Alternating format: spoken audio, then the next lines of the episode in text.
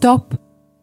Apstājies labas grāmatas priekšā un sagatavojies lasīšanai. Grāmatzīme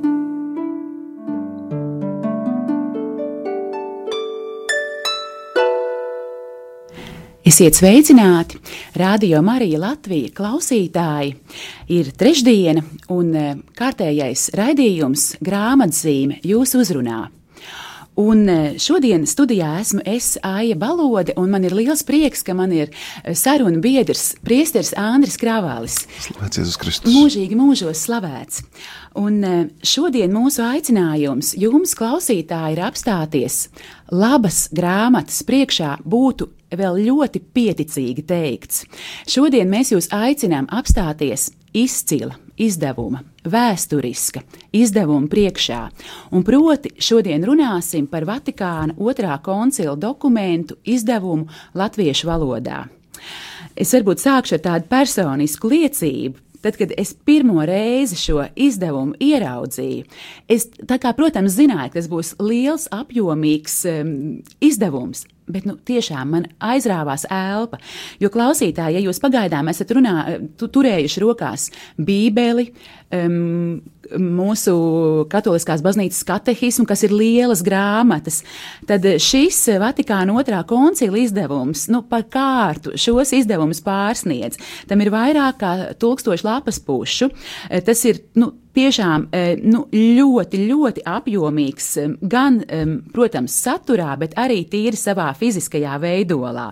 Mīļo priesteri Andri, kā jūs, kad jūs ieraudzījāt pirmo reizi šo grāmatu un kāda bija jūsu pirmā reakcija?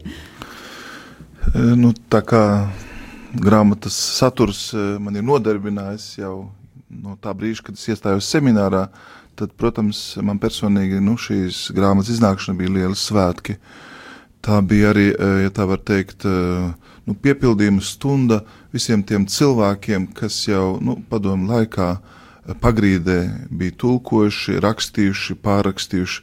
Vienkārši viena liecība. Bīskaps Vilhelms Ņukšs, kas viens no pirmajiem braucot uz Romu, atveda šo grāmatu, domāju, ka tas bija itāļu valodā. Viņš mums stāstīja, kā viņš to bija izplēšot no vāciņiem, ielicis e, Leņķina kopotajos rakstos, jo, protams, nevarēja tāda veida grāmatas ievest. Viņš tādā veidā atbrauca no Romas ar, ar vilcienu, un varbūt e, tā bija viena no pirmajām grāmatām, kas e, nu, parādījās šeit, svešvalodā, kuras arī vēlāk tika tulkotas, bet tie visi bija fragmenti, tas bija daudz cilvēku darbs, Bet eh, nu, beidzot tas ir novests līdz galam. Beidzot, baznīca ar savu autoritāti latviešu valodā šajos uh, dokumentos atpazīst sevi, dodot ar iespēju lasīt baznīcas valodā, blakus ir latīņu valoda. Tieši tā, tas ir divvalodīgs izdevums, jā. ir tātad latīņu un latviešu valodā, jā. Un uh, nu, savā veidā tu ļoti labi sacīji, ka tā nav tikai laba grāmata, svarīga, liela, uh, interesanta, manuprāt, tā ir fundamentāla un tā ir grāmata, kuras augļus mēs jau īstenībā baudām. Un ļoti pareizi pieminēja Katoliskās baznīcas katehismu. Jau tur ir nemitīgas atsauces uz koncilu. Tur jau mēs iepazīstam koncila garu. Un, ja mums uh, patīk katehisms, un ja tas mums ir kā derīga rokas grāmata, tad saprotam, ka visu, var teikt, savu uh, pamatojumu uh, katehisms ļoti lielā mērā ņem tieši no Vatikāna otrā koncila dokumentiem.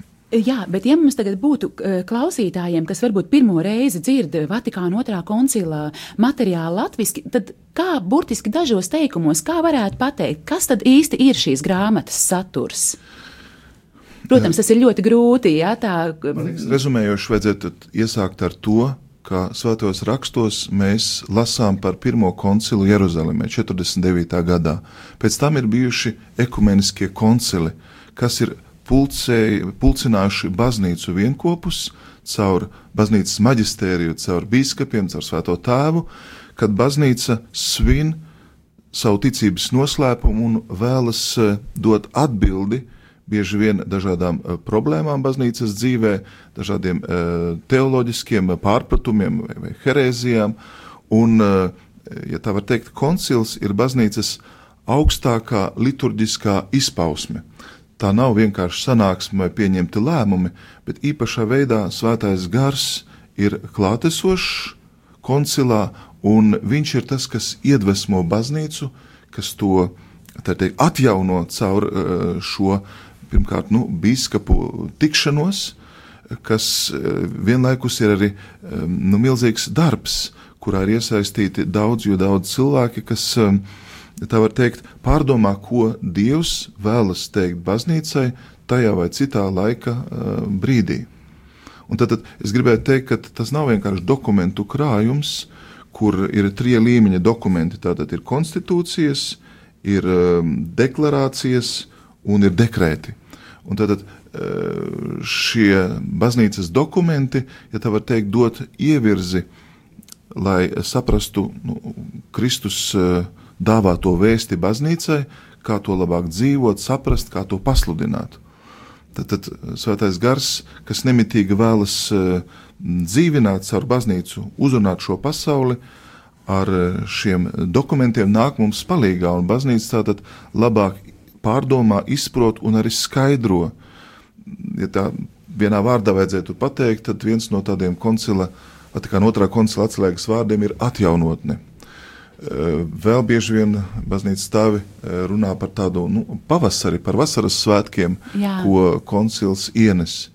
Un tāpēc e, šo, šis dokumentu krājums ir tik nozīmīgs, svarīgs, tik būtisks e, tiem, kas uh, vēlas uzticīgi sekot Kristum. Jā, es atcerējos, braucot uz raidījumu, vienu tādu liecību, un man šķiet, ka to ir teicis uh, brālītis Rožē, bet es tagad neesmu pārliecināta, bet tas varbūt nav tik svarīgi. Tas bija kāds no novērotājiem, kas piedalījās, tad nebūdams starp kārdināliem, bet bija arī tātad koncilā novērotāji, kas arī piedalījās diskusijās un tā, un viņš sacīja, Tur nebija vajadzīga ticība svētajam garam, tur svētais gars bija redzams. Man tas kaut kā tā, pilnīgi tāda liesma sirdī, un arī eh, lasī, eh, klausītāji un lasītāji, kad jūs vērsiet vaļā šo grāmatu, tā sākas ar mūsu arhibīskapa tādiem ievadvārdiem, un pēc tam ir tāda skaista fotografija, kur ir attēlota tātad eh, svētā Pētera bazilika, krāšņā ēka un apakšā šie kardināli, kas šeit spriež par, par, par kā kādu no jautājumiem, kas arī ir iztirzēts um, šajā grāmatā. Un, nu, tiešām svētais gars tur ir. Mēs arī redzam īstenībā to um, Pētera bazilikas vitrāžu, kur fragments no svētā gara tieši ir uz grāmatas vāciņiem.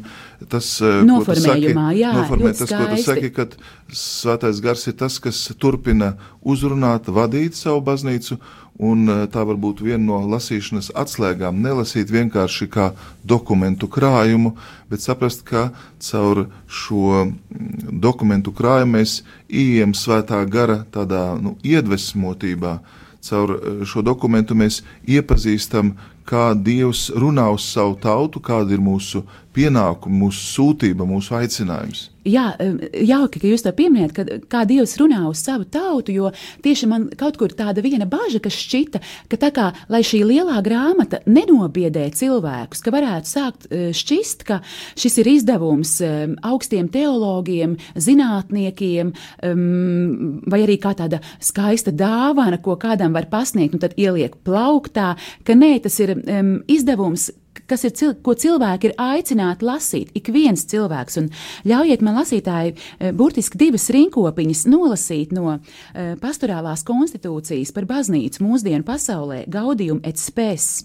Un šeit ir tieši tāds mazais apakšvirsrakstīns, pie kā vēršas koncils. Vatikāna otrais koncils rūpīgi iedziļinājies baznīcas noslēpumā, nevilcinoties vēršas ne tikai pie baznīcas bērniem un tiem, kas piesauc Kristus vārdu, bet pie ikviena cilvēka, lai visiem izklāstītu savu viedokli par baznīcas klātbūtni un darbību mūsdienu pasaulē. Koncila uzmanības lokā ir cilvēku pasaule, jeb visa cilvēku saime, un visu to parādību kopums, kuru vidū tā dzīvo. Šī pasaule, kas ir skatuve, uz kuras norisinās cilvēces vēsture, ko iezīmē cilvēka darbība, sakāves un uzvaras. Pasaule, kuru, kā tic kristieši, radījusi un uztur radītāja mīlestība. Pasaule, kura bija nonākusi grēka verdzībā, bet kuru no tās atbrīvoja krustā sistais un augšām celtais Kristus, kas uzvarēja ļauno garu un salauza tā varu, lai pasaule tiktu pārveidota saskaņā ar dieva plānu un sasniegtu pilnību.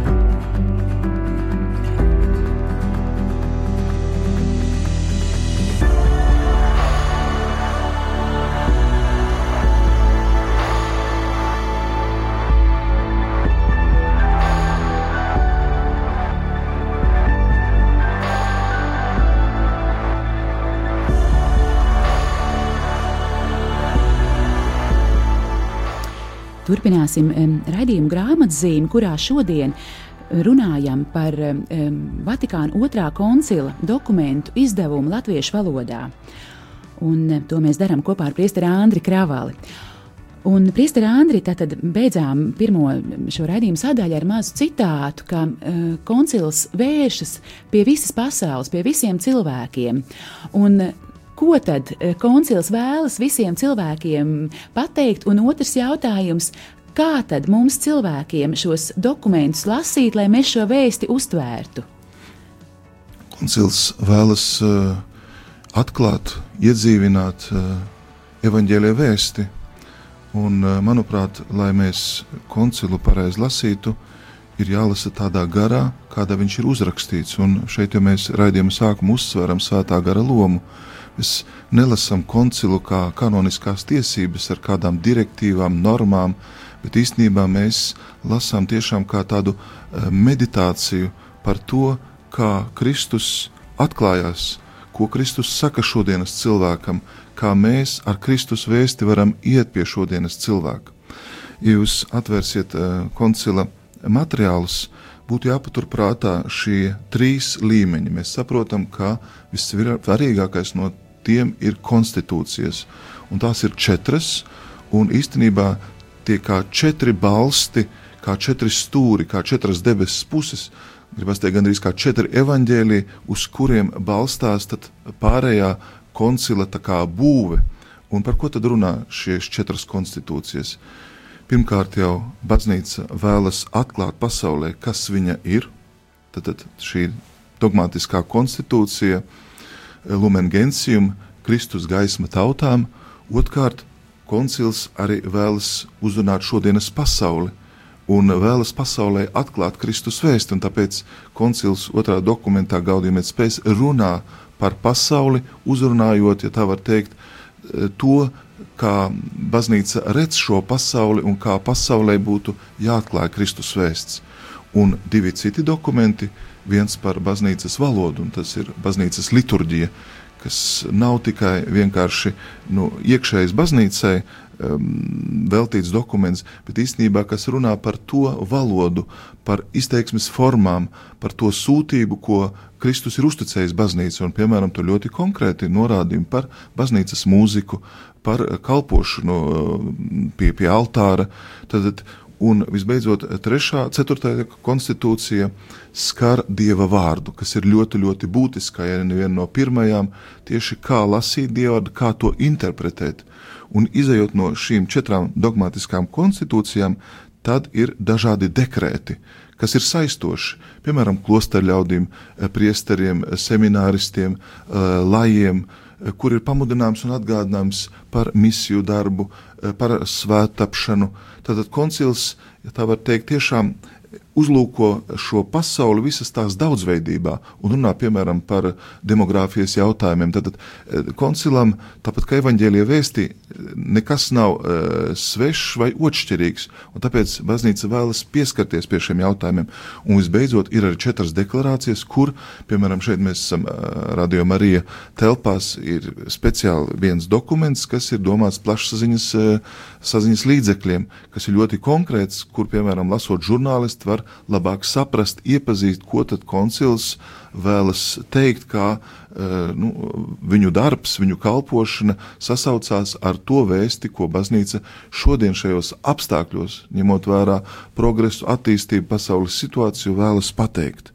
Tātad īstenībā koncils runā par uh, baznīcas un tātad katra kristieša identitāti, par baznīcas redzējumu uz pasauli, šis koncils arī vēlas ievest tuvībā ar Dievu, un tāpēc ļoti liels uzsvars ir likts uz svētumu, uz svētapšanu, veidu, kā mēs nu, ļaujamies pārveidot no, no, no Kristus labās vēsts, un, protams, koncils ir ar perspektīvu uz nākotni, lai sagatavotu šo pasauli eh, tam brīdim, kad Kristus atklāsies pilnā mērā laiku beigās. Un tāpēc um, koncila dokumentos ir jāredz tiešām uh, nu, baznīcas viskompetentāko cilvēku, un ne tikai uh, biskupu, kardinālu, bet visas dieva tautas, dažādu teologu, teologu skolu, ordeņu darbu. Tie tie jautājumi, kas tika uzdoti, uz kuriem tad arī baznīcas tēvi ar īpaši svētā gara žēlstības spēku koncila laikā centās dot atbildes klausīties, ko gars saka baznīcai.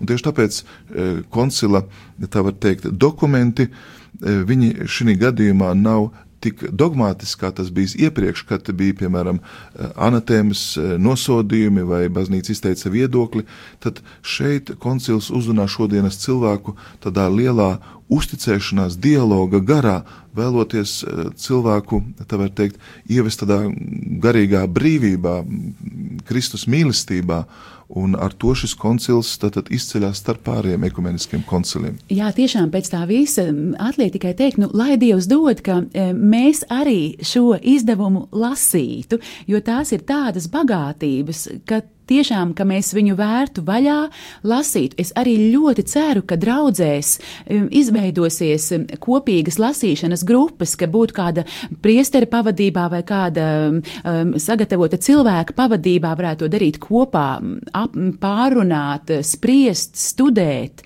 Bet uh, to, tas, ko arī tiešām es gribētu uzteikt, es nezinu, vai citās uh, valodās arī tā ir tāda tradīcija, bet uh, šajā latviešu izdevumā, ka pirms katra Dokumenti ir arī uh, latviešu um, garīdznieki, tādi ievadvārdi, kas tā kā ievada šajā tēmā, un līdz ar to um, šo grāmatu ir iespējams arī studēt patstāvīgi katram pašam, un pašam tādā tiešām, kā jūs teicāt, apceres, lūkšanas, pārdomu garā, uh, lēnā garā šo um, grāmatu studēt un um, ņemt pretī šīs bagātības, kas tajās ir ietvērtas, un um, tā kā mums ir arī raidījumā tradīcija, ka tomēr mēs kaut ko palasam arī šī, no šīs grāmatas.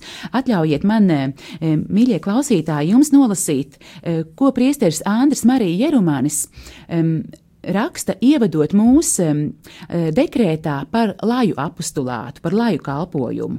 Un viņš raksta, baznīcu mēdz identificēt ar garīdzniecību, biskupiem un priesteriem, kas valkā atšķirīgu apģērbu. Taču baznīcu veido visa dieva tauta, arī lai, kuriem ir sava cieņa un aicinājums uz misiju, ko sauc par apustulātu. Proti, viņi ir sūtīti veikt savus kristīgos pienākumus. Kādi ir šie laju pienākumi? Kādi ir viņu apustulātu veidi? Kādas ir laju attiecības ar citām baznīcas kārtām? Uz šiem jautājumiem atbildi sniegta Vatikāna otrā, otrā koncila dekrētā par laju apostulātu, apostulikam aktuazitātēm. Viskā, vispārīgā veidā par laju vietu baznīcā koncils jau bija runājis dogmātiskās konsti, eh, konstitūcijas Lumen Gentium 4. nodaļā, uzsverot to, ka laju cieņas pamatā ir piedzimšana no jauna Kristū, piedzimšana par Dieva bērniem, kas ir aicināti uz pilnību.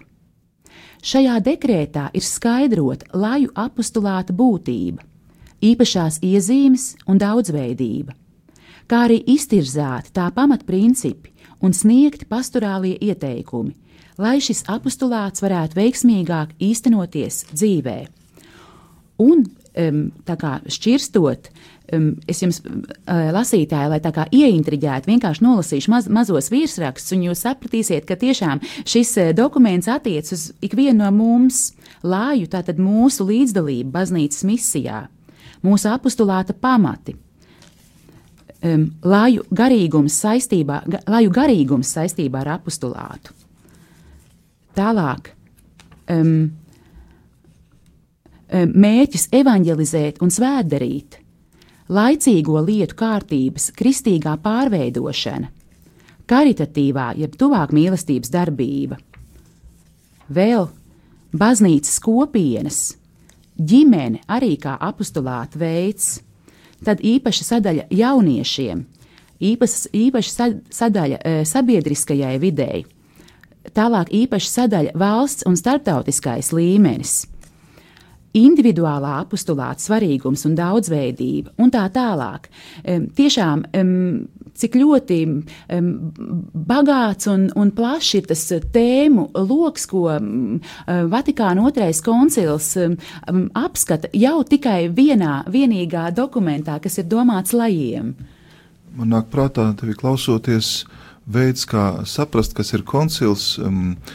Teologi saka, nu, tā kā jūs iet katedrālē, Jūs uzreiz nenonākat pie altāra, ir priekštelpa, ir tātad eh, telpa, kur eh, pulcēs dievlūdzēji, ir baznīcas torni, ir altāra telpa, bet tā ir viena ēka. Un mēs, protams, varam dažādos veidos pozicionēties. Mēs varam viņā neiet, skatīties no malas, bet mēs ieejam koncila garā, jo dokumenti savstarpēji viens otru papildina.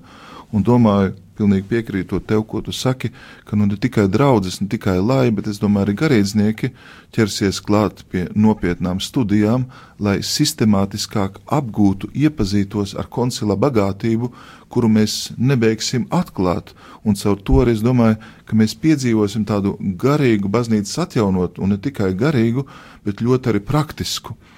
Un um, šī koncila, var teikt, um, dokumentu lasīšana, uh, viņa var būt efektīva arī tad, ja jūs paskatieties grāmatas noslēgumā, ir dažādas tēmas, kas var interesēt. Jā, tas ir ļoti praktiski, tāda palīdzība. Jā, jā tur jūs, ir indeks, kur var atrast dažādas tēmas, kuras ir, kuras ir minētas. Starp dažādiem, piemēram, krājumā. dokumentiem, dažādi veidi izgaismotas, un tāpēc koncils īstenībā ir aicināts kļūt par rokas grāmatu.